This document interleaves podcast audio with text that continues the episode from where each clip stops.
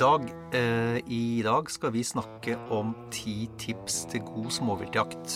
Og det er eh, på bakgrunn av at eh, veldig mange bruker bare noen ganske få dager, eller kanskje bare ei uke i året, på jakt. Og da er det viktig at så mye som mulig er optimalt. Og la oss starte med punkt én. Det å skaffe jakt. Ja, det er vel særlig førstegangsjegere som er helt uten jakt, og som da har jegerprøven. Og hvor skal jeg jakte?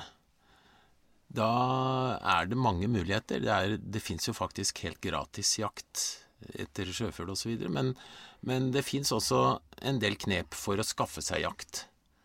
Og det enkleste er jo i dag å bruke PC-en, søke på jaktmuligheter, småviltjakt, og så dukker det allerede da opp en del tilbud. eh, Steder du kan søke, eller, eller steder du kan, eh, kan rett og slett bare kjøpe kort uten å, å måtte søke eller være med på trekning. Det holdt jeg på å si, det husker jeg fra da jeg starta. Det er jo ganske effektivt i familielag, for det må vi jo delta på enten vi vil eller ei, alle sammen eh, fra tid til annen.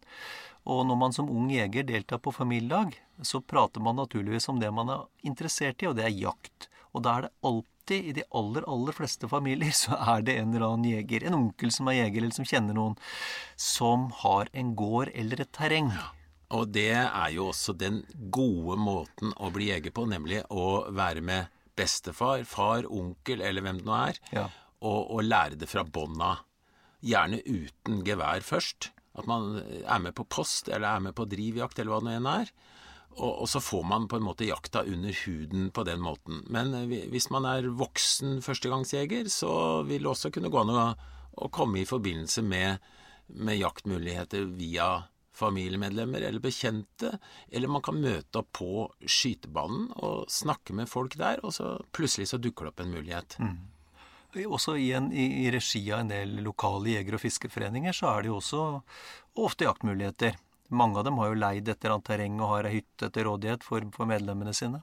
Ja, det, det er også en mulighet. At du melder deg inn i en jeger- og fiskeforening eller eh, en annen gruppe, det kan være grunneierlag for den saks skyld, eh, alt etter forholdene, og finner eh, adgang til jakt på den måten. Og det å snakke med folk, det er en måte å komme videre på. Og til syvende og sist så er det ikke verre enn at du kan spørre om jakt, og det verste som skjer er jo at du får nei. Hvis Ja. du kjører faktisk opp til bonden som sitter og tresker og 'Unnskyld at jeg bryr deg nå, men jeg ser det er så mye duer her borte, kan jeg få lov å jakte?' Det er en mulighet. Ja, for det øh, jeg er, jeg er virkelig en dårlig selger, men, men det gjorde jeg da med fremgangsrikt øh, tidligere. Altså reiste fra gård til gård og spurte om å få jakte, jakte due eller rev, var i hvert fall ikke noe problem. Nei, det er jo lettere å få noen jakter enn andre. Og i Norge er det jo sånn da at jakta følger grunneieren. Så den som eier grunnen, har også jaktretten på småvilt. Så det er å, å finne ut hvem eier det jordet, eller hvem disponerer det vannet hvor endene lander. Og som sagt, det går an å spørre. Ja, ja. Og så går det an øh, Jeg husker ett sted jeg fikk lov til å jakte, så skulle Det var ikke, det var ikke noe Han var veldig for- forsiktige krav, han gårdeieren som jeg fikk jakte due hos, men han ville gjerne ha et par duer hvert år. Det var på det nivået der. Ja. Eh, og det er, jo en, det er jo en grei deal. Ja, ja, det, og det er en ganske vanlig måte å, å få jakt på. Jeg jakter rådyr et par steder hvor, hvor han som er grunneier, ikke er interessert i jakt. Nei. Men han syns jo rådyrkjøtt er godt. Så når jeg har skutt et rådyr, så, så får han eh, halvparten, eller hva vi nå er enige om, ferdig vakuumpakka, og Ja. han er glad, og jeg er glad. Ja. Og så var du jo inne på det helt sånn til å begynne med her, eh, Dag. Det finnes jo faktisk, eh, det finnes jo faktisk noe gratisjakt òg. Sjøflyjakt òg. Ja, det er jo neste tips vi kommer med, nemlig at du kan skaffe deg helt gratis jakt. Hvis du ikke har noen tilganger, så kan du etter loven jakte fritt på sjøen. Du kan vade ut med vader og stå på, i et grunt område og skyte sjøfugl med god samvittighet, hvis du da ikke hvis du da skyter på lovlig vilt, selvfølgelig, og gjør alt det andre riktig. Nå får du bladet Villmarksliv rett hjem i postkassa i tre måneder for kun 99 kroner. I Villmarksliv kan du lese om norsk natur, ærlige tester av klær og utstyr, og mange gode turtips skrevet av erfarne friluftsfolk, fiskere og jegere. Send SMS VILL36 til 2205 og motta bladet allerede neste uke. Lev livet villere med bladet Villmarksliv.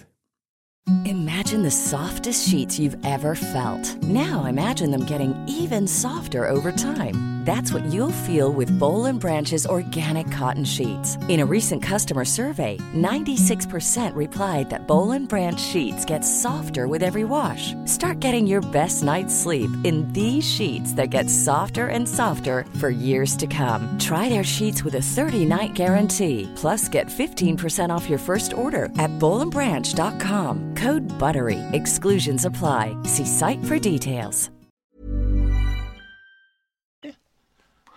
Så det med å skaffe jakt, det er den største og, og tilsynelatende vanskeligste hinderet å komme over, det er ikke umulig. Nei, det er det ikke. Og eh, som vi nevnte, eh, noen jaktformer er lettere å få tak i enn andre, og da vil jeg bl.a. nevne duejakt. Ja. Som, som, jo er tilgjengelig over store deler av landet hvor duene er nede på jordene. Mm. Erteåkere særlig, kornåkere og gjør noe skade på avlingene, sånn at bonden er ofte glad for at du skyter, og kanskje da skremmer vekk duene. Mm. Det, er, det, er en veldig fin eh, begynnerjakt. Og så nevnte du revejakt.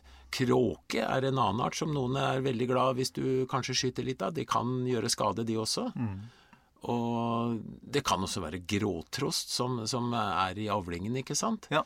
Så det, det er, eh, man trenger ikke å sikte mot den eksklusive jakta med en gang, men kan begynne med litt enklere jakt, som ja. man også da får tak i på en grei måte til en rimelig eller helt gratis. Ja, for det har vi jo med vilje latt ligge litt her. Altså Har du massevis av penger, så da, er det ikke noe problem. Da kan du skaffe deg det du vil. Men det, utgangspunktet her er jo litt hvis du ikke har massevis av penger, ja. og vil ha det litt enklere og rimeligere, så fins det fremdeles ganske mange muligheter. Ja. Ok, men da har vi gjort unna det første av ti punkt, vi. Ehm, og da er vi over på, på punkt to i tips til god småviltjakt, og det er å kjenne våpenet sitt. Ja, det, det er eh, essensielt, vil jeg si. Fordi i en jaktsituasjon så skal du konsentrere deg om å gjøre ting riktig. Og hvis du må tenke på hvordan børsa funker, og du er litt usikker på hvor sikringen er og hva som helst, da er løpet kjørt. Mm. Du må kunne dette her. Hjernen skal være automatisk innstilt på, eh, på å dirigere eh, fingrene uten at du må tenke. Mm. Så tren med våpenet. Vit nøyaktig hvordan du skal sikte, hvordan det funker, enten det er hagle eller rifle. Eh, lær deg funksjonene. Og, og dermed så, så, er det mye enklere å konsentrere seg om det som er viktig i, i jaktsituasjonen, nemlig hva gjør viltet, når er viltet klart for å skytes, og så videre ting rundt det.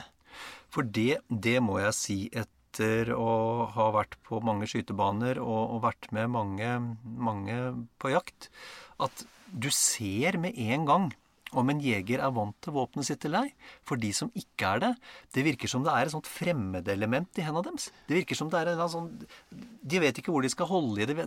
Skjønner du hva jeg mener? Ja, ja, ja jeg har jo uh, hatt ansvaret for uh, oppskyting til storviltprøven mange ganger. Og ja. noen jegere de treffer ikke midt i, og så vet de uh, ikke hva de skal gjøre, hvordan stiller jeg sikte, hva gjør jeg, og sånn. Det er ikke noe ålreit. Du bør, bør, kjenne det våpenet du driver med, og vite at f.eks. hvis jeg treffer opp til venstre, så må jeg altså skru ned til høyre. ja, ja. Så enkelt. Ja.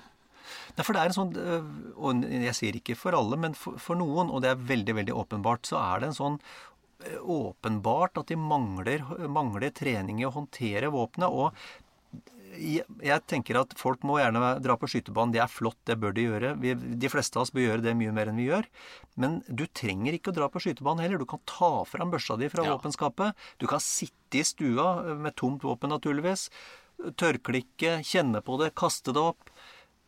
Altså, bare få det inn i fingra. Ja, ja. Det er ingen, ingen vel bevart hemmelighet at de som er skikkelig gode i konkurranseskyting med, med våpen, de driver også ofte tørrtrening. At de, de, har altså fem minutter om dagen hvor de tar hagla og kaster opp, som vi sier, til skulderen, ja. og lærer seg presis montering at ved at kolben ligger akkurat likt inntil kinnet hver gang du kaster opp, da skyter du mye bedre med hagle enn om du ikke kjenner hagla og er usikker.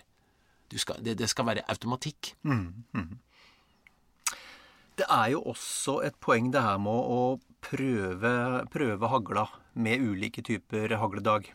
Ja, det er eh, Altså, hagleskyting er litt komplisert fordi du Vi snakker om sjåker, altså hvor, hvor, smalt løpet er der ammunisjonen slipper ut gjennom hølet, kan du si. Mm. Eh, og hvor mye det da etterpå spres. For spredningen er forskjellig på forskjellige typer patroner. Og også fra hagle til hagle. Så, så egentlig så ender det opp med at du bør teste det du jakter med, og vite hvordan det sprer og også uh, ha følelse med hvor kraftig det er. For det er jo forskjellige kruttladninger som brukes, osv. Og, så og det er forskjellige grunnstoffer faktisk i haglene også. Ja, uh, og, og, vi har jo vært gjennom mange år med diskusjon om ståltyper i, i Norge. og nå, nå har vi jo lov igjen å, å bruke bly. Det var, jo, det var jo voldsomt mye diskusjoner rundt stål i sin tid. men de, det må jeg si. Jeg var veldig skeptisk til stål i mange år, jeg. Men jeg må jo si det at de siste generasjonene som stål, i hvert fall som vi har testa, de har vært veldig bra, altså. De har kompensert for de dårlige egenskapene stålet som, som materiale har, med en voldsom hastighet. Så, så, så, stål har blitt bedre. Nå er ikke det noe stort øh, Bortsett fra i, i våtmarksområder er ikke det noe stort problem, men, øh, eller stor diskusjon. Øh, I og med at vi har lov til å bruke, bruke bly. Men det fins jo også enda tyngre haglmaterialer. Vi har jo tungsten. Så Ja, vi har jo, har jo hagl som faktisk er langt mer drepende enn de gamle blypatronene, som jo er referansen i mange sammenhenger, da. Mm. Eh, så, men det ender jo opp med det at vi skal vite hva vi jakter med, og hvor lange avstander vi kan skyte på med det vi jakter med. Og det, det, det går igjen tilbake til at vi skal skyte litt på, på skytebanen under kontrollerte forhold mot f.eks. For en pappfigur eller et, et, stort, stort, flak med, med papir, og, og, se hva som skjer, og kanskje se også hvor langt inn i en stubbe vi skyter. Ja, fordi det som er tilfellet, er at dekninga varierer veldig på disse haglpatronene. Og en haglpatron som kan gi en helt strålende dekning i et våpen, kan gi en helt ræva dekning i et annet våpen. Ja, så det, kom, det, er ikke til å komme unna. Skal du være godt forberedt, så må du prøve ut den ammunisjonen du har tenkt å bruke, med ditt våpen på ei papplate. Ja. Da er du på den sikre sida. Ja. Og noen, eh, noen enkle, enkle, treningsøvelser, eh, Dag. Um, ja, hvis vi tar hagle først det er rett og slett å stillingen mot sånn noenlunde med front mot viltet og ta hagla opp til skuldra, montere som det heter, altså la kolben komme inn i gropa under beinet som, som ligger Kinnbeinet? Kinnbeinet som ligger under øyet her.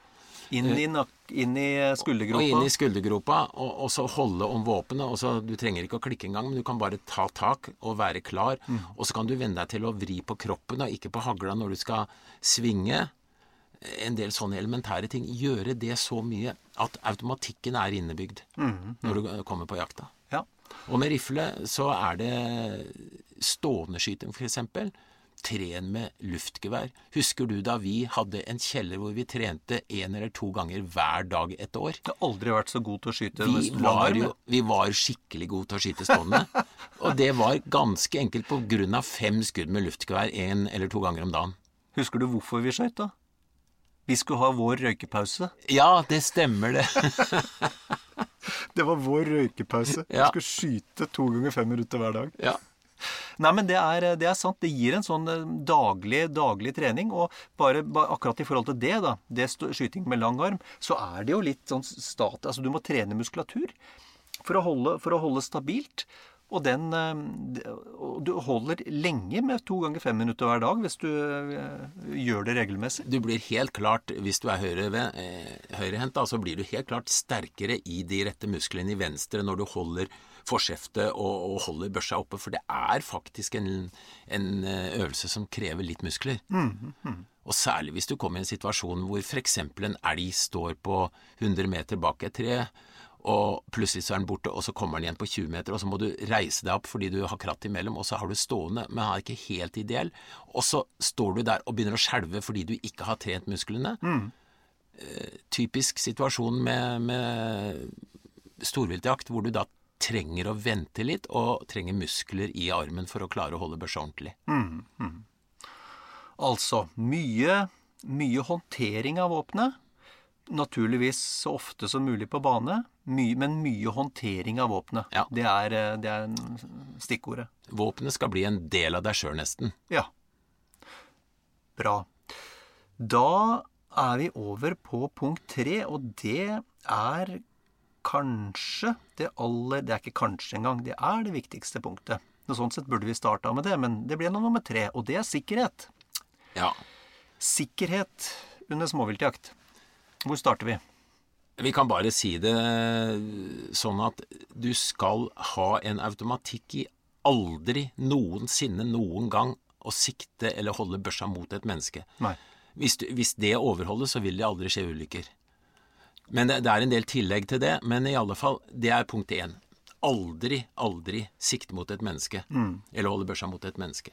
Eh, Da er du et stykke på vei, og så har du det med hvordan du går med våpenet, for du kan jo skyte deg sjøl òg. På uh, rypejakta for tre år siden, tror jeg det var, så var det en på vårt naboterreng som skulle hoppe over en bekk. Hadde børsa i hånda eller på ryggen, det vet jeg ikke, men i alle fall, han snubla litt, og han skøyt seg sjøl i låret, sånn at det kom et redningshelikopter og, og fikk eh, redda mannen. Men ja, han hadde ikke tatt ut patronen før han hoppa over den sleipe bekken. Nettopp. Så ta ut patroner foran eh, gjerder, grinder, bekker osv. Og, så videre. og selvfølgelig, hvis du kommer opp på en vei eller går mot mennesker, så gjør du det samme. Og viser det også til de andre, enten det er rifle eller hagle. Du viser at børsa er tom, Ja. for det skaper sikkerhet og trivsel i laget. Jeg syns det er så fint, og det husker jeg fra første gang jeg var med onklene mine på, på, på skogsfugljakt. Da var jeg 13-14 år. Og da la jeg merke til at når vi, når vi kom sammen Jeg gikk med en av dem, vi møtte han andre. Når vi kom sammen, så snudde de seg med ryggen mot hverandre, brakk våpna, tok ut patronen. Ja. Og det har sittet siden. Jeg, for det syns jeg er en fin ting å gjøre. Du vender deg vekk fra det mennesket du møter, knekker våpenet eller tar tilbake sluttstykket, plyndrer magasinet. Jeg gjør det ofte før jeg kommer fram til dem òg, men da markerer jeg bevisst at jeg holder børsa til sida, sånn at de ser hva jeg gjør. Ja. Og det ligger en annen ting i det også. Da vil den andre, hvis han eller hun ikke har gjort det samme, så vil de få en liten inspirasjon. Jeg må gjøre det samme. Ja. Ja, for, for det er en viktig del av det. fordi sikkerheten er det viktigste. Men det er et viktig moment av det er å vise fram for de andre. Ja. Se, nå sørger jeg for at jeg har et ufarlig våpen. Slapp helt av. Så har vi eh, altså sjekke våpen før de legges ned i kofferter, i biler osv. Det er folk som har skutt i bagasjerommet, liksom, eh, på bilen. Det er ikke noe ålreit, det heller. Mm. så det er en del sånne ting. Men generelt... Og aldri sette fra deg våpenet med Aldri sette fra deg våpenet, selv om du bare tar fem minutters rast sammen med de andre. Alltid tømme det. Aldri Ja. ha noen patroner. Og i det, neste punkt er jo ikke klå på andres våpen. Du kan spørre Du har så fin børse, kan jeg få lov å holde den? Ja, det er greit. Ja. Det første du gjør, hva er det? Jo, det er å sjekke at det ikke er noe i. Selv om den andre har sagt at den er tom, så sjekker du det. Jeg er veldig glad i den, eh, i den regelen som eh, uskrevne regelen som tilsier at du aldri rører avtrekkeren før du har tenkt å skyte. Nei, Aldri og ikke, ikke tar av sikringen heller, faktisk. Aldri eh, og, og, og det er neste punkt. Aldri tar av sikringen naturligvis før du har tenkt å skyte. Fordi det jeg tenker vi gjør med alle disse reglene, og det virker litt rigorøst eller sånn høytidig, og det virker litt strengt og alt det der, der, men det vi gjør, vi bygger egentlig lag med sikkerhet, vi.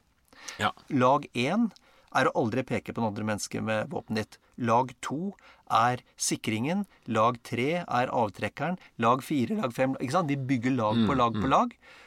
Og hvis vi gjennomfører alle disse reglene helt konsekvent, så skal du bryte ganske, gjennom ganske mange lag før det blir fatalt.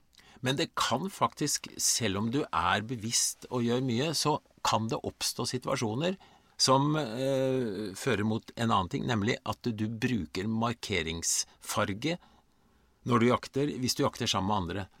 Og jeg har unngått å skyte på en mann med hagle fordi vedkommende hadde rød lue. Vi gikk på linje, og så kom vi til et kratt. Og jeg tror det var fordi vedkommende hadde skutt så li... Vi, vi, det var på, på kaninjakt, dette her, da. Okay. Men iallfall, jeg tror vedkommende hadde fått skyte litt lite, så han var veldig ivrig og tenkte nå skal jeg stikke litt foran, for da får jeg Og det var selvfølgelig kjempekort tenkt. Men det løp opp en eh, kanin rett foran meg, og jeg følger etter med hagla, skal akkurat til å dra av når, når den passerer en liten kul, og der ser jeg rett inn i ei rød lue. Og det kan jeg love deg, den følelsen du har Ja. når du nesten er i ferd med å skyte mot et menneske, det kan ikke beskrives. Nei. Og, og det Jeg følte ikke at jeg hadde noe, noe skyld i at han var der, for han hadde gjort en bommert sjøl ved å, å gå uregelmessig. Men uansett, det er altså så forferdelig hvis det skjer en ulykke. Så det er mye bedre å være for forsiktig enn å ta sjanser. Det er som jeg husker de første, første bøkene jeg leste om jakt og jegermoral og sånn. Der var det, der var det et, et, eh, en setning som jeg husker veldig godt, og det var at husk at våpenet du bærer, eh, inneholder magasinert død. Og, Ja. det, og det husker jeg, for det er en veldig sterk setning. Eh, Og det er, det er riktig. Det Ja. er det som er tilfellet. Ja. Men dette med For nå har vi jo snakka litt om våpenbehandling og, og, og liksom grunnrutiner rundt dette med våpen. Um, og så har vi vært litt inne på det her med røde farger. Um, og sikkerhet under selve jakta. Um, der er vel dette med forhåndsavtaler, det å vite hvor de andre skal være, det, eh, er nå én ting. Og, dette med å gå på linje, eh, for at, sørge for at ingen sklir foran eller bak skuddlinja, det er vel to viktige momenter. Ja, det, det koker jo ned til det at det er et godt god informasjon i jaktlaget, i, det, i de sammenhenger hvor det er et slags jaktlag. At man vet hva eh, den enkelte skal gjøre, og hvor den enkelte er. At man har avtaler på hva som skjer.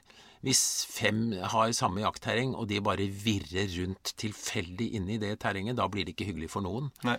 Så man, man skal ha klare avtaler, og hvis man skulle ha behov for å bryte avtalen, så må man gi beskjed. I dag går de fleste med mobil og, og kan bare ta den. Nei, men det er, det er jo helt avgjørende å vite hvor de andre er, gjøre klare avtaler. Um, dette med markeringsfarger har vi, har vi vært innom. Når, når jakta vel er over, eh, så er vel dette med sikkerhet Det er jo også et poeng der, tenker jeg, Dag, at når du setter våpenet fra deg, så skal det låses inn i et våpenskap, eller i hvert fall en vital del. Du har ikke lov å ha sette fra deg våpenet med patroner i. Nei, det er jo rutiner der som bare må sitte i bakhodet, ikke sant? Ja. Etter jakta så skal våpenet sjekkes så det er tomt. Eh, om omstendighetene, er sånn at du må forlate det en liten stund, ta ut sluttstykket eller fortre på haglet, eh, sluttstykket på rifle, og, og, og gjøre tiltak for at om det så kommer noen barn og begynner å klå, så skal det ikke kunne skje noe. Nei. Ikke ha patroner synlig i nærheten av våpenet osv. Nei. Og våpenet skal jo da oppbevares i våpenskap eh, eller våpenrom hvis vi er hjemme, eller, eller låses inn på annen måte i hytter og biler osv. Ja. Og når det gjelder sikkerhet, der, da er det faktisk lov å si fra. Hvis noen ikke Hvis noen behandler våpenet slumsete, hvis du ser at de peker mot andre, hvis de oppfører seg på en sånn måte som kan være til fare for andre eh, rundt seg i jaktlaget, da er det faktisk lov å si fra. Ja, absolutt. Det er, det, er, det er feil ikke å si fra. Da, da gjør du en synd. fordi at det, det, i ytterste konsekvens så kan det være snakk om å redde liv. Ja. Nå skjer det heldigvis utrolig få ulykker, men det er fordi vi er flinke og følger de reglene vi bl.a. prater om nå. Ja. Det, nei, det heldigvis så skjer det ikke mange ulykker. Det skjer eh, det er ca. én eh, vådeskuddsulykke eller eh, at folk blir drept under jakt hvert annet år. Ja. Så, så det er ikke mye, men det er nå en gang én for mye hvert annet år.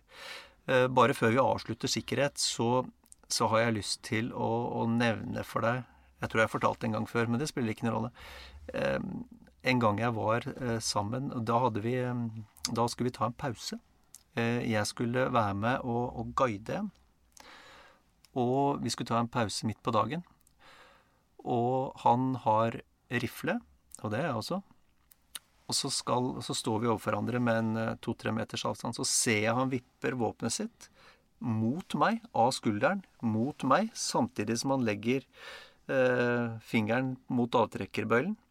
Jeg rekker ikke å si noe, for det går så fort. Han vipper våpenet framover, og det smeller. Og skuddet går mellom beina mine, og i myra mellom beina mine. Og det, jeg var så langt unna å bli en del av den statistikken. Og det husker jeg sa, jeg, var, jeg ble jo helt satt ut. Og da husker jeg sa at vi bare, vet du hva, nå tror jeg vi sier at uh, til tross for at jeg skulle guide den den dagen så, det, Dette var det. Jeg tror vi sier at denne dagen er over. Ja, ja, ja. Sånn at det, det er så små ting. Ja. Han hadde åpenbart brutt to, tre, fire av disse sikkerhetsreglene på samme gangen, da. Han hadde ikke ryggra, ryggraden, og det er det som er så viktig. At det skal sitte sånn at selv om du tenker på noe annet, så gjør du det riktige. Ja, ja. Ok, vi snakka oss helt bort på sikkerhet her i dag, men det opptar oss begge to, det veit jeg. Det var punkt tre. Da er vi over på punkt, eh, punkt fire, vi. I Tips til god småviltjakt. Og det er noe så udramatisk som å tenne et bål. Hva, Ja, det- hva mener vi med det? Ja, det har jo liksom ikke noe direkte med jakt, kan du tenke, da. Nei. Men eh, indirekte så har det i høy grad med jakt å gjøre. Eh, og jeg innrømmer at jeg har vært Jeg ble ganske gammel før jeg skjønte skikkelig betydningen av bålet, fordi jeg var så jaktsugen at jeg hadde ikke tid. Men eh, jeg skjønner jo til de grader hvor viktig bålet er etter hvert. Og det er ikke ba Altså, det har en nytte for å tørke seg, for å varme seg, og for å koke kaffe. Et sånn praktisk nytte. Men det er noe annet. Og det er den eh, lugne praten med kompiser. Kikke inn i gløren og tenke at her satt det en jeger for 1000 år siden, kanskje på samme sted og stirra inn i glør, akkurat som jeg gjør. Du får et, eh, skal vi si, litt mer sånn filosofisk holdning rundt dette her, og det gir etter hvert ekstra mye i, eh, i det møtet du har med natur og jakt, hvor bålet faktisk er eh, en av naturens eh, helt opprinnelige og vanlige ting, eh, i form av at lynet slår ned og det blir bål. Det er utrolig viktig for oss, for huet vårt. Naturens valium. Ja, du kan gjerne kalle det det. Og ikke minst så får vi en mulighet til å diskutere hva har skjedd på jakta, hva gjør vi nå i neste omgang. Det blir ikke sånn heseblesende jakt. Nei. Fordi det er jo viktig under jakta, som vi har vært inne på, å planlegge, samarbeidet osv. Og Så det går litt inn på sikkerheten nå. Eh, jo, neste runde nå, da går du dit og jeg dit, og så kan vi møtes der til et nytt bål, eller til avslutt, eller hva det nå som passer. Og så er det vel, eh, utover det at det gir varme, som du er inne på, at det er, eh, man kan meritere over det, så, så, så, så gir det vel den avslappinga. Så folk, folk flest har jo en, en masete, stressende hverdag. Det gir den der totale avslappinga. Ja, jeg tror for eh, en god del mennesker som lever en travel hverdag, så er jakta en flukt til noe av det som er opprinnelig, som sitter i genene våre. Og der hører bålet med som en faktor som gjør at vi finner oss sjæl enda mer. Vi, vi får roa oss ned, og, og det der med å se inn i glørne det, det, Jeg kommer aldri vekk fra det. Det er altså Det, er, det gir ekstra styrke og fred og Ja, kan bruke masse ord. Ja. Det var punkt fire. Da er vi over på punkt fem. Og det er å skaffe seg jaktkompiser. Ja, det høres litt rart ut, men hvis du tar en undersøkelse blant jegere og spør hvorfor jakter du, så ja, det, det nevnes kjøtt, og det nevnes uh, hyggelig å samarbeide med hunden osv., men det med jaktkompiser og miljøet som kan skaffes og med gode jaktvenner, det skal vi ikke glemme som en viktig del av jakta. Og ja, det skjer vel litt tilfeldig noen ganger. Men er, jeg syns det er viktig å velge jaktkompiser med omhu, for du skal trives og ha det hyggelig. Og vi to Jeg regna ut på en av bursdagene dine at vi har vært sammen et helt år hver dag. på jakt, altså. Hvis du samler sammen. Ja, det er ikke så lite, det. Nei, det er ikke det. Og enda er vi venner. men men eh, som sagt, det er viktig å ha gode jaktkompiser som du er sikker på når det gjelder sikkerheten, og som du trives med under hele delen av jakta, og det er fra du går ut om morgenen og til du sovner om kvelden. Og det betyr vel et stykke på vei å søke likesinnede. Ja, eh, interessen er jo vanligvis felles når det gjelder jakt, men, men det er mange måter å jakte på, og ikke minst bør det være folk som da har samme innstillingen til både måten man høster på, og øh, sikkerheten, ikke minst, som vi har vært inne på. Eh, at det klaffer på det feltet der. Og jeg har, jeg har, vært med på jakt hvor jeg har bestemt meg for at jeg slutter her, fordi her trives jeg ikke, og dessuten er jeg litt redd. For det er noen som er litt kjappere på avtrekkeren enn det man kanskje liker, og mm. da gidder ikke jeg å gå og drive mot vedkommende person. For jeg, jeg, jeg, ønsker ikke å ha en minste snev av fare for at jeg skal bli skutt på. Nei. Og, og, så er det jo noe med det at som vi var, som var vi innom helt sånn innledningsvis, så det er noen ganske få dager til en uke de fleste bruker på jakt. Og så, den tida er så vidt verdifull at man, du kan ikke kaste bort den på å gå, gå rundt og irritere deg over uh, omgivelsene. Eller at de omgivelsene irriterer seg over deg. Nei, men, men, det her er Jeg vil nesten sammenligne det med det å finne seg kjæreste. Fordi kjemien skal stemme. Mm. Og det kan godt hende at to jegere er veldig ålreit jegere, men de har ikke en kjemi som passer. Nei. Og det kan være mye rart som ikke stemmer, men det er bare kjemien er dårlig. Og da, og da, ok, da finner vi noen andre å jakte sammen med. For det, som du sier, det er faktisk en, en stor og viktig del av eh, det årets begivenheter. Altså, jakta, det står for mange som det største hele året. Mm, mm. Vi, vi, det er hyggelig å ha familie og alt mulig rart, men jakta, den er viktig. Ja, ja, ja. Nei, men det er noe med det. Eh, men, men sånn konkret, hva skal vi si?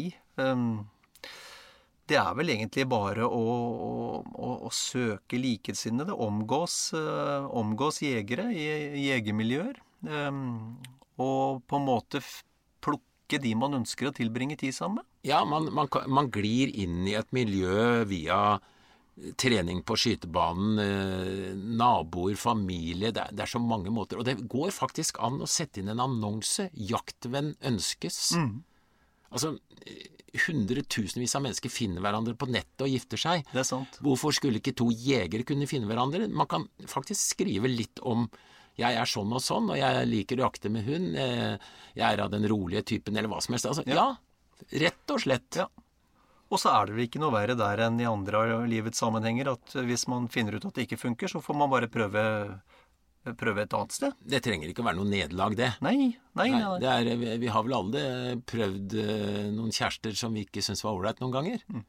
Så det, da gjør vi det samme på jakta. For eh, det, det, det, kan jo ofte bli at dette skjer jevnlig år etter år, og da er det veldig hyggelig å kunne glede seg til det samværet. Mm, mm.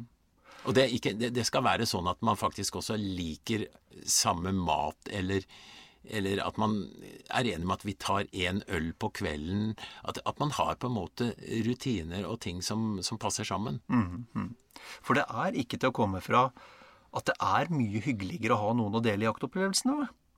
Altså, Jeg vil jo påstå det at noen av de største jaktopplevelsene jeg har hatt, det har jeg hatt sammen med andre, og til og med når jeg ikke har jakta sjøl. Mm. Hvor jeg har kan du si, guida.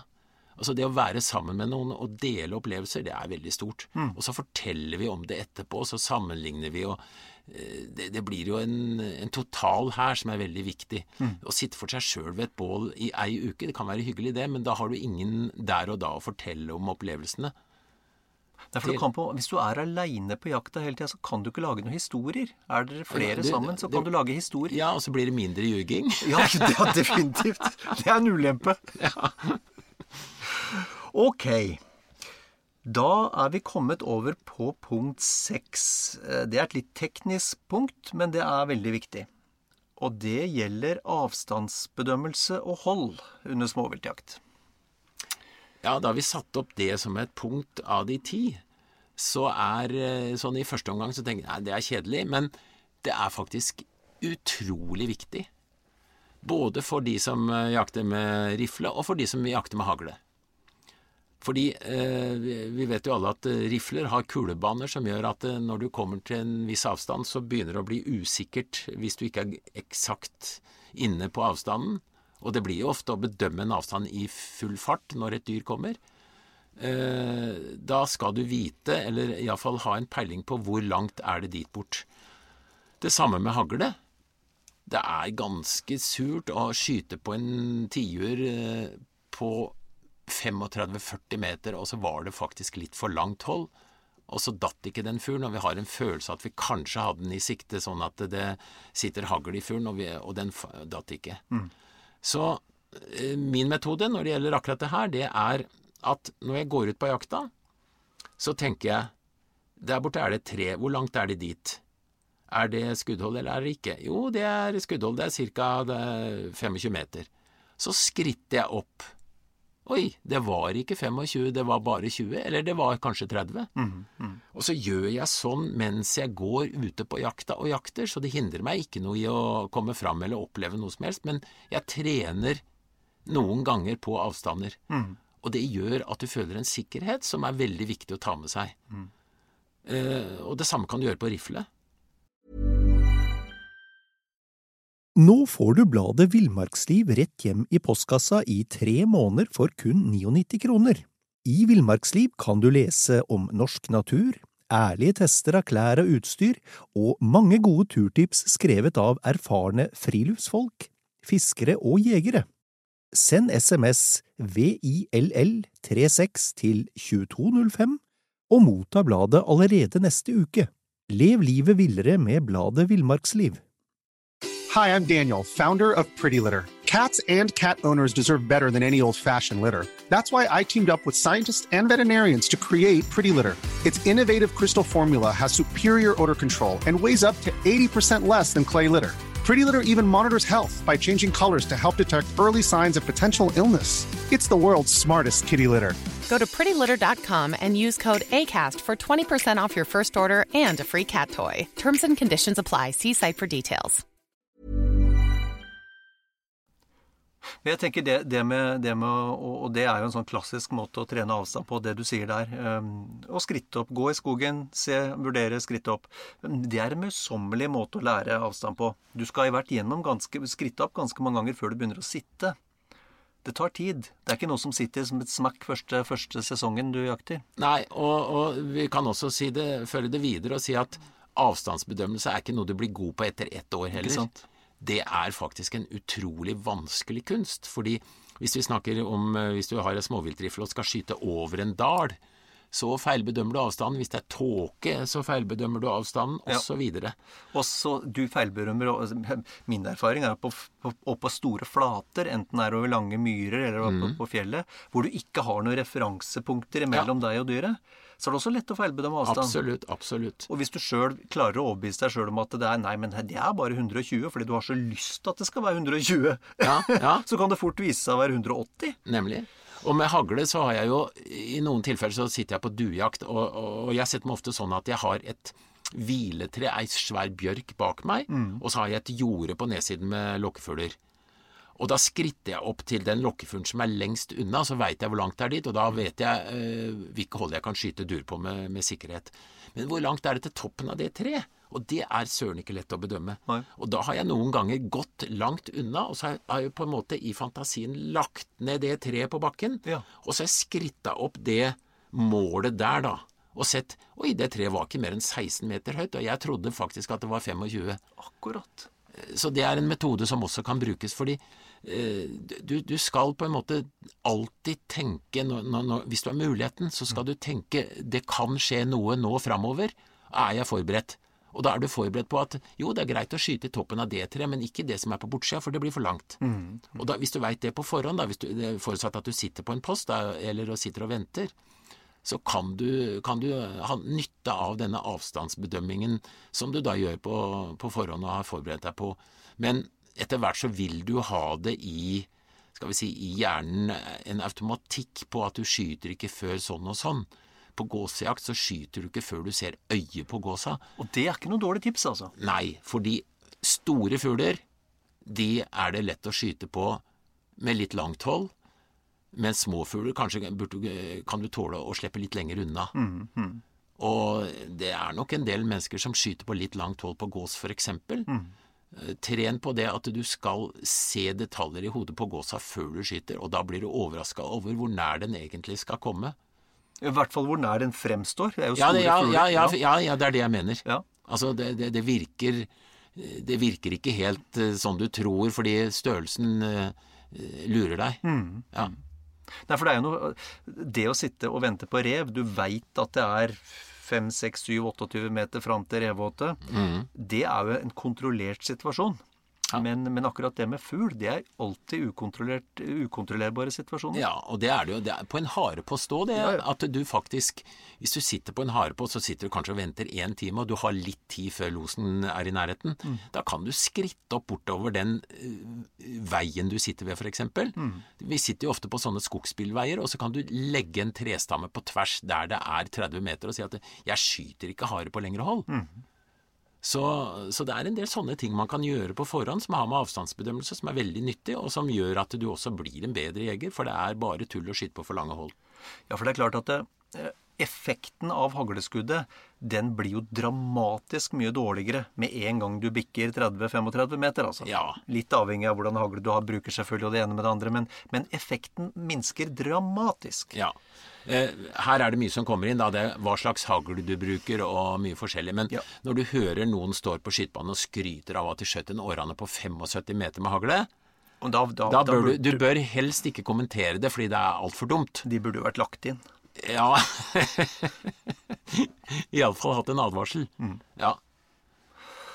Nei, så holdt jeg på å si, når det gjelder, når det gjelder rifle og, og småvilt og, og, og avstand, så, så er det jo i prinsippet så er det vel det samme. Det er klart, der har vi jo fått Nå har vi jo fått avstandsmålere. De koster jo litt penger. Alt fra et par tusenlapper og til mange tusenlapper. Men, eh, men de er jo uhyre presise, da. Det må ja. jo sies. Det er veldig nyttig. og Du får jo kjøpt eh, løse avstandsmålere som ikke er så veldig dyre òg. Ja da, du får dem ganske Ja. langt ned i prisen, Ja. og du gjør det. Men uansett, altså Du kan ha GPS og avstandsmålere, masse duppeditter, men det er veldig viktig å kunne den manuelle eh, delen av det, nemlig å, å anslå en avstand etter det du ser, Ja. og trene på det. Ja. Bra. Da har vi i vår, eh, i vår fabelaktige tipunktsliste til god småviltjakt kommet til punkt syv. Og det er kjennskap til jaktområdet. Hva legger vi i det? Jeg tenker på tiurjakt, jeg. Ja. Gammaltiuren sitter ofte på samme sted, på en, eh, toppen av en skråning med litt gammalskog og osv. Eh, hvis du er en dreven småviltjeger, så veit du at det er noen biotoper som bør oppsøkes når du jakter. Du bør vite på forhånd hvor, hvordan terrenget er, og ikke, det er veldig dumt å kaste bort masse tid på å jakte i et område hvor det ikke er vilt. Hvis du går på rypejakt, så jakter du ikke lenge i et område med bare berg og regnmose, for der er det stort sett ikke rype. Du går dit det er kratt og myrer osv. Og, og det å lese kartet først, hvis du er helt ukjent, eller du har vært rundt terrenget og sett på det, og lært det, og studert detaljer faktisk, som eh, går på hvor er det blåbær i år, for eksempel. Der finner jeg gjerne fugl. Eller hvor er det fint gras som haran ofte sitter og gnafser i, eller noen seljekvister som han spiser når det er kommet snø. Hvis du kjenner til en del sånne ting, så får du mye mer effektiv jakt, for da oppsøker du de stedene hvor dyra har satt seg inn i nærheten. Det går jo også an, da, å, gjøre seg så liten at man eventuelt tar kontakt med de som har jakta deg før. Og, og spørre, helt ærlig. Altså, hvordan, hvor opplevde du at det var vilt? Hvordan opplevde du Ja. Spørre grunneier, spørre oppsyn, i det hele tatt snakke med andre og få noen tips på den måten. Og så i tillegg høste erfaring fra det du gjør sjøl, og så etter hvert så vet du hvor i terrenget det er lurt å, å jakte.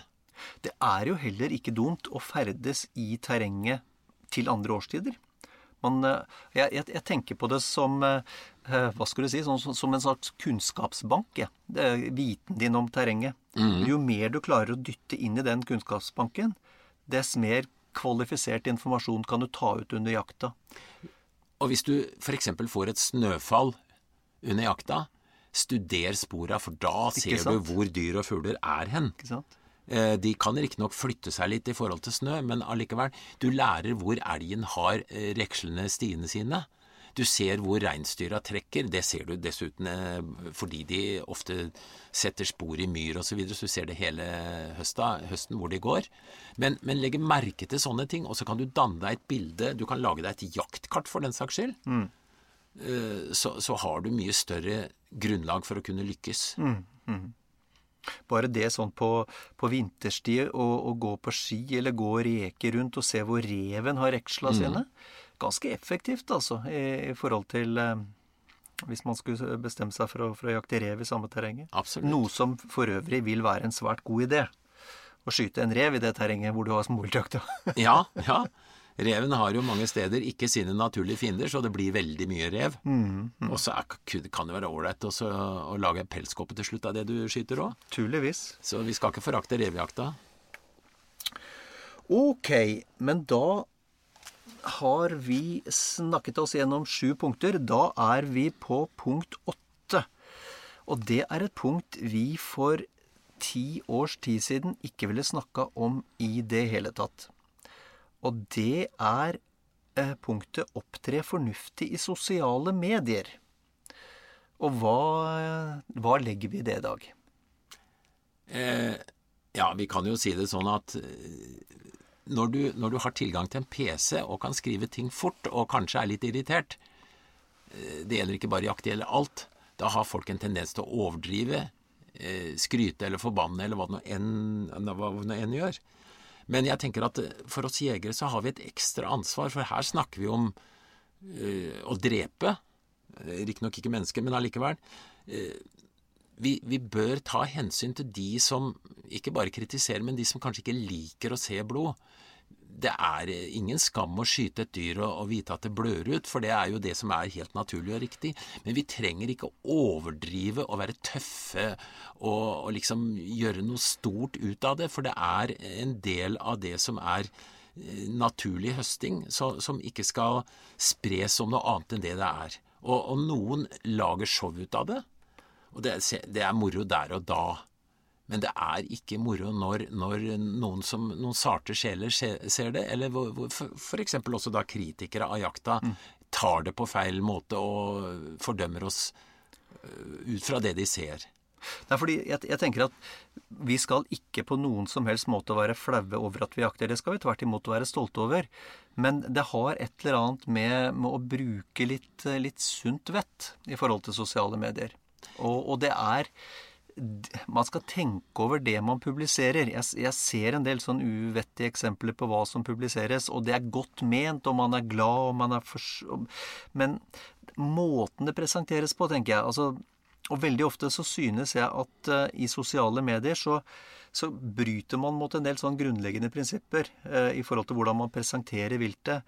Og det er at uh, ikke, ikke, ikke, ofte, men av og til så synes jeg at, at, folk presenterer det døde viltet og seg selv på en litt sånn uverdig måte. Ja, der, der er du inne på noe viktig. Altså, det gamle ordet å være litt ærbødig i forhold til det du har gjort, og det det er å tross alt å drepe noe. Ja.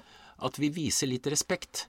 Og samtidig har du det andre punktet som også er viktig, som jeg tenker, eh, som jeg ser ofte, er at eh, det, en del opptak av videoer osv. trenger forklaring for de som ikke kjenner til jakt. Mm. At det f.eks. det tar litt tid fra du setter et dødelig skudd, og til, døret, til dyret ligger der, mm. eller fuglen detter. Mm.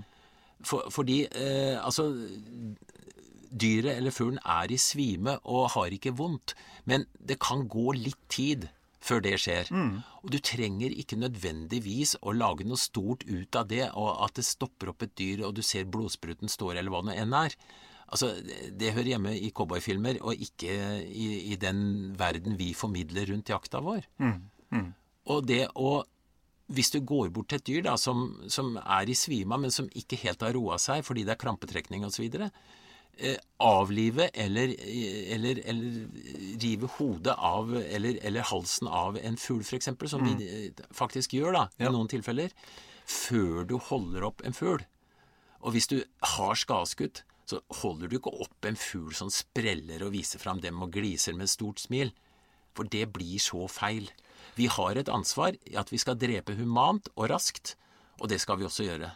Ja, så er det et eller annet med det at det er, det er ingen andre i samfunnet enn jegerne som har fått den tilliten at vi kan ta livet av dyr. Ja, du har, du har, du har selvfølgelig slaktere og veterinærer, men bortsett fra det så er det ingen andre. Nei. Det er vi som har fått den tilliten. Uh, og jeg tenker at den tilliten må vi forvalte på en sånn måte at også de som ikke jakter, opplever det vi holder på med som ok. Ja. Og da skal, du, da skal du jaggu tenke over hva du legger ut på Facebook eller Instagram eller hva det nå heter, alle de sosiale mediene våre. En veldig fin regel er at du, du sjekker det du har tenkt å legge ut, og ser på det med andre øyne enn dine egne, og tenker er det noe feil eller gir det noen signaler her nå som ikke er bra? Det er veldig lurt. Kort oppsummert, tenk over det du legger, legger ut på, på sosiale medier. De som ikke liker det du holder på med, de som ikke liker jakt, de kommer til å samle begjærlig på ethvert bilde du legger ut som ikke ser bra ut. Ok, det var alvorssnakken. Da er vi over på, på niende punkt, Dag.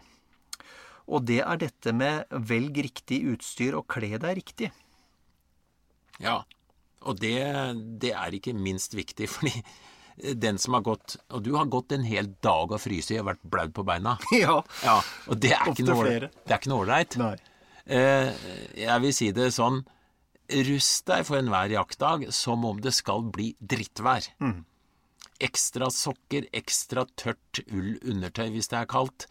Og om det ikke er kaldt, så kan det bli kaldt. Ja. Det er utrolig Altså, selv vi som liksom er erfarne og skal kunne alt dette her, vi får en midt i trynet noen ganger, fordi vi syns det var så fint vær, og vi tok ikke med oss så mye i sekken.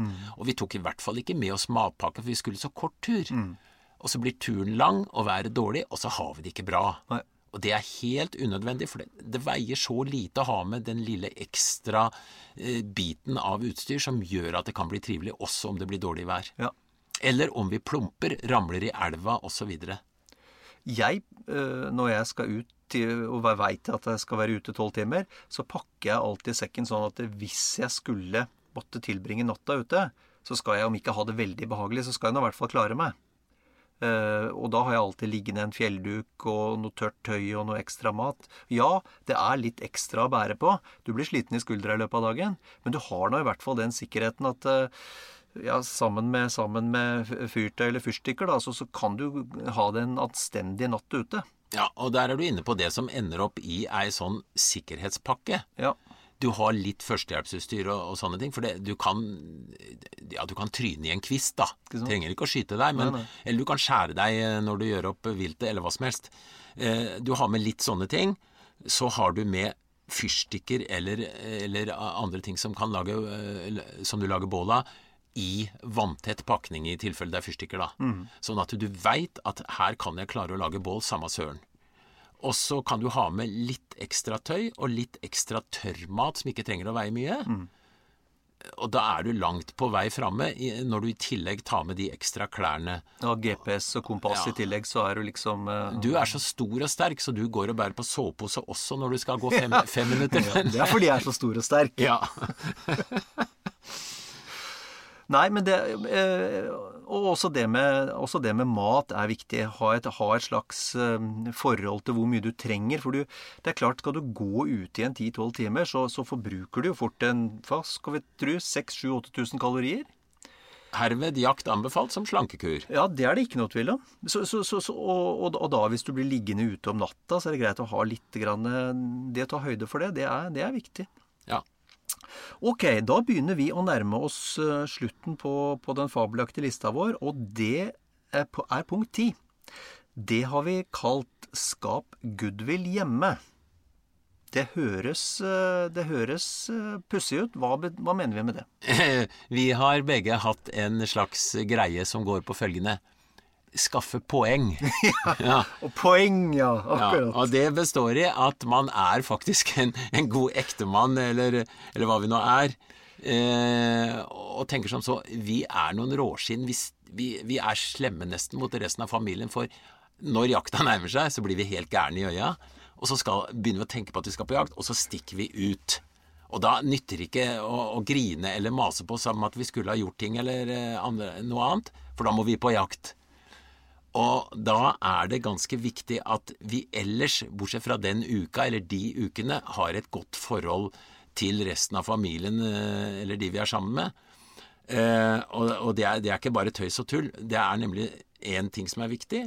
Det er at vi skjønner at vi tar oss friheter, og så lar vi da også de andre kanskje bestemme hvor vi skal i ferien, eller at vi er litt eh, på godvilja der. Men også da at vi nytter det vi skyter på en fornuftig måte, sånn at alle får glede av den maten vi skaffer. For det, uansett hva vi sier, så er jakt det er å skaffe mat.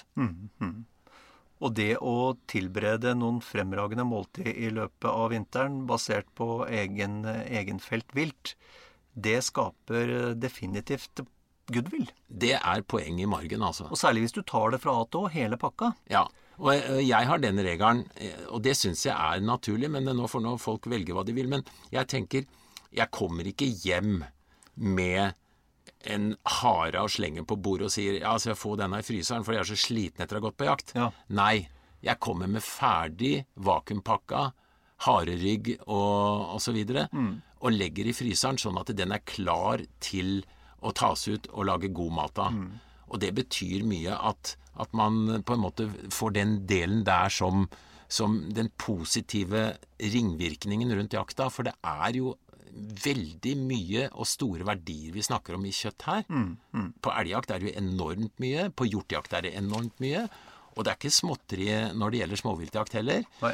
Eh, Så vi skal ikke tenke at småviltjakt er mer sånn kosejakt hvor vi, hvor vi bare skyter og har det gøy. Men vi skaffer store matressurser hvis vi treffer f.eks. på harejakt. Vi har begge vært på harejakt nordpå og skutt mange kilo med kjempegodt kjøtt. Og det tar vi vare på. Og så sier det seg naturligvis selv at de, de der hjemme også får lov til å være med hvis de har lyst på jakta. Ja, og det, det er en viktig bit. Det går an på skogsfugljakt f.eks. Så er det ganske nyttig at vi har noen som støkker fugl til der vi går og jakter f.eks. Sånn at alle går på tur, riktignok med kanskje med 100 meters avstand. Og de andre går med veldig tydelig rød lue, og vi vet nøyaktig hvor de går. Men så får de en tur i skogen, og så kan vi møtes eh, ved bålet og ha det kjempehyggelig. Det, det er mange måter å gjøre det på. Vet du hva, det er, det er så vakkert. Uh, nå har vi vært gjennom ti punkter som, som vil gi småviltjegerne en, eh, en lykkelig og god høst. Jeg tror bare vi ønsker dem skittjakt i dag. Det må vi gjøre, og vi, nå må vi forvente at alle drar på småviltjakt etter det vi har prata nå. God jakt. Kort og godt om å holde varmen og kle seg riktig. Dag, en av de første tura vi var på, så sa du til meg at du skal fryse før du begynner å gå, Knut, sa du. Ja, og det står jeg for.